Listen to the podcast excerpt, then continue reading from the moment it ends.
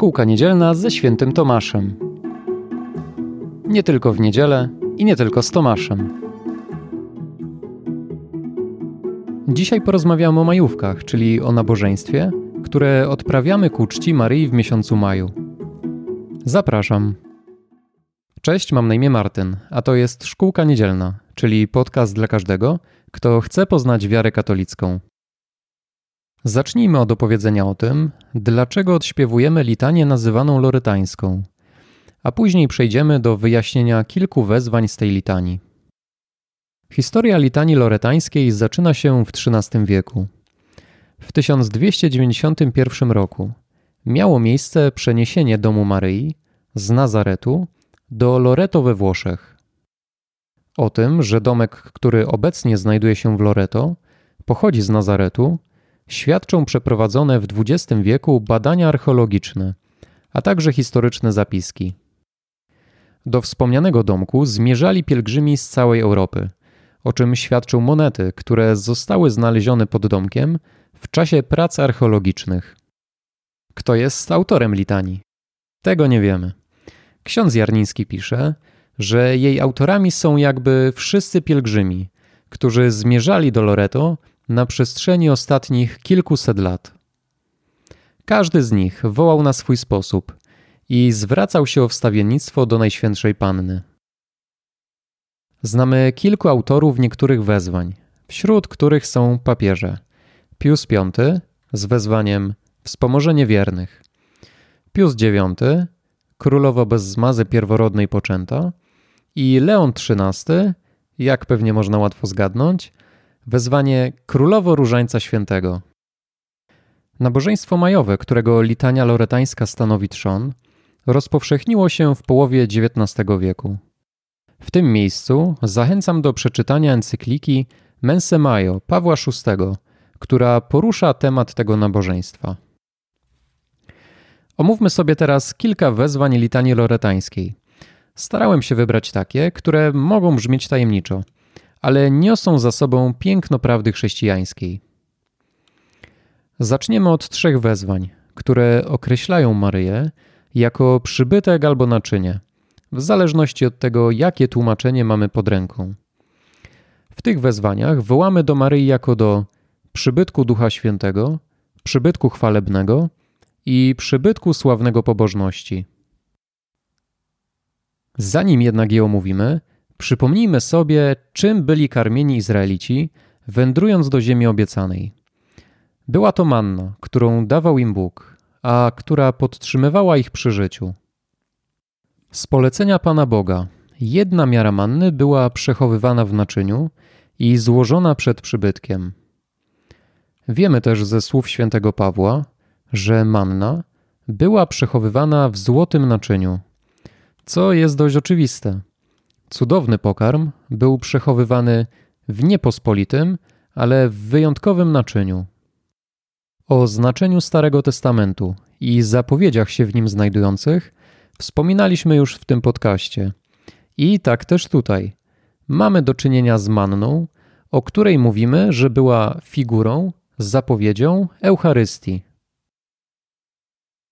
Wiemy, jak cenna jest Eucharystia, bo jest ciałem naszego Zbawiciela.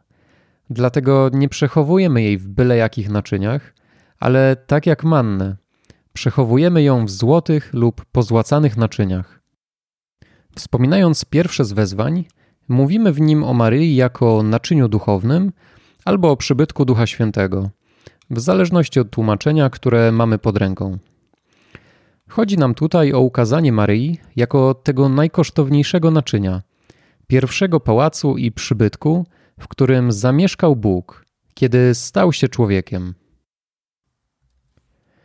To wezwanie nie powinno być też tylko pustymi słowami, które śpiewamy, ale powinno nam przypominać, że i my powinniśmy być takimi świętymi naczyniami. Tamte naczynia są poświęcone i my jesteśmy poświęceni na chrzcie świętym. Tamte naczynia są święte, bo przechowuje się w nich ciało Zbawiciela – My to ciało przyjmujemy. Maryja, która nosiła Chrystusa, jest pełna łaski, a my jesteśmy łaskami obdarzani przez to, że przyjmujemy ciało Chrystusa. W tym miejscu warto sobie przypomnieć, czego o otrzymywaniu łask w przyjmowaniu Komunii Świętej naucza katechizm katolicki. W pytaniu 409 we wspomnianym katechizmie czytamy o skutkach, które wywiera Eucharystia, jeśli przyjmujemy ją godnie i pobożnie. A skutki są następujące. Eucharystia pomnaża łaskę uświęcającą i miłość, odpuszcza grzechy powszednie, pomaga w wytrwaniu w dobrym aż do śmierci, co realizuje się w kilku rzeczach: w uśmierzaniu porządliwości i chronieniu od grzechów śmiertelnych i dodawaniu siły do pełnienia dobrych uczynków. Warto też przypomnieć sobie, co to znaczy godnie i pobożnie przyjmować komunię świętą. Odpowiedź znajdziemy również w katechizmie. Godnie oznacza zachować post eucharystyczny, a pobożnie to znaczy uważnie i pobożnie rozmyślać nad tym, co mamy przyjąć, wzbudzić w sobie akty strzeliste, a po przyjęciu komunii odmówić dziękczynienie. Wróćmy do naszych wezwań. Zawołanie do Maryi jako naczynia pobożnego lub przybytku chwalebnego ksiądz Jarniński porównuje do złotej kadzielnicy, która znajdowała się za zasłoną przybytku. Porównując Maryję do kadzielnicy, określa jej modlitwę jako wonności, żarliwie wznoszące się z jej serca do Boga. I z tymi jej najdoskonalszymi modlitwami, zarówno odmawiając litanie, jak i nasze własne modlitwy, możemy i powinniśmy jak najczęściej się łączyć, mając za intencję oddanie Bogu chwały. Oprócz przyrównania Maryi do naczynia przechowującego mannę i złotej kadzielnicy, w litanii wołamy też do naszej Matki jako do naczynia, przybytku otoczonego pobożnością. Nasz dzisiejszy przewodnik po wezwaniach takim naczyniem określa kielich, w którym na każdej mszy świętej, po przeistoczeniu, podobnie jak w wieczerniku, znajduje się krew Zbawiciela. A dlaczego takim wezwaniem określamy Maryję? Jak wyznajemy w składzie apostolskim, Jezus Chrystus narodził się z Maryi Panny. To w Maryi począł się jej syn i to ona, jako przybytek sławny pobożności, przechowywała jego drogocenną krew. W litanii loretańskiej jest taki moment, w którym zaczynamy przyrównywać Maryję do na pozór dziwnych rzeczy.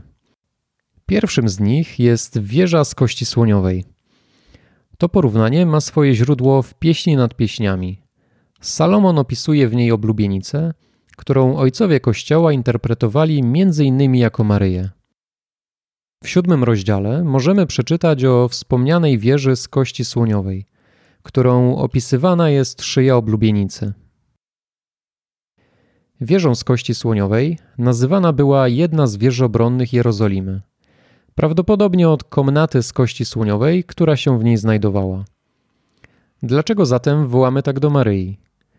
Taka wieża na pewno była piękna i kosztowna, więc przez to wezwanie chcemy po prostu wyrazić duchowe piękno Maryi i obfitość łask, którymi została obdarzona przez Boga. Idąc dalej tym tropem, mamy w litanii dwa kolejne wezwania: Domie złoty i Arko Przymierza. Pierwsze z nich, czyli Dom Złoty, oznacza świątynię jerozolimską, którą król Salomon zbudował na cześć Pana Boga. Świątynia była budowana, aby Arka Przymierza miała godne schronienie, ponieważ razem z tą skrzynią chodziła chwała pańska. Tą chwałą świątynia jerozolimska została napełniona przy poświęceniu – Zatem, skoro tak dużo pracy i wysiłku zostało włożone ze strony człowieka, aby zbudować tak wspaniałą budowlę, w której mieszkała chwała Pańska, to o ileż bardziej Bóg użył duchowych nakładów, gdy budował złoty dom Nowego Przymierza, stwarzając Maryję. W tym nowym złotym domu Bóg nie tylko mieszkał, ale i stał się człowiekiem. I w taki sposób na świątynię jerozolimską patrzymy jako figurę Maryi, a bogactwa materialne były obrazem skarbów duchowych danych Maryi. Ostatnie wezwanie, o którym dzisiaj opowiemy, to wołanie Arko Przymierza. Największą świętością w Starym Testamencie była Arka Przymierza, w której przechowywano tablice mojżeszowe, laskę Arona i mannę, którą Izraelici jedli na pustyni. Jak łatwo się domyślić, Izraelici darzyli arkę ogromnym szacunkiem, a w świątyni miejsce, w którym stała wspomniana arka, nazywane było Świętym Świętych. O Maryi jako Arce Nowego Przymierza pisali wielokrotnie ojcowie Kościoła. Przytoczmy teraz kilka podobieństw między Arką Przymierza a Maryją. Arka była zbudowana z niebutwiejącego drewna akacjowego. Maryja poczęta bez grzechu pierworodnego. Arka wyłożona na zewnątrz i wewnątrz złotem. Maryja pełna łaski i błogosławiona między niewiastami. Arka przechowywała tablicę z prawem mojżeszowym. W Maryi mieszkał sam prawodawca. W skrzyni miarka manny, a w Maryi ten, którego manna była tylko obrazem. W arce znajdowała się też laska Aronowa, czyli symbol kapłaństwa, a Maryja nosiła tego, o którym zostało napisane Tyś kapłanem na wieki, na wzór Melchizedeka. Pociechą dla Izraelitów w trakcie wędrówki przez pustynię była Arka Przymierza. Była ona też dla nich świadectwem Bożej obecności. Dla nas Maryja, którą nazywamy Arką Nowego Przymierza, jest pociechą w drodze do zbawienia i zapewnia nas o Bożej obecności. Maryja nigdy nie skupia uwagi na sobie, ale zawsze kieruje nas do Jezusa. Jeśli spodobał Ci się ten odcinek, podziel się nim z innymi, udostępniając go na przykład na Facebooku i klikając łapkę w górę na YouTubie. Więcej materiałów o Maryi w Starym Testamencie znajduje się w opisie odcinka. Na dzisiaj to już wszystko. Cześć.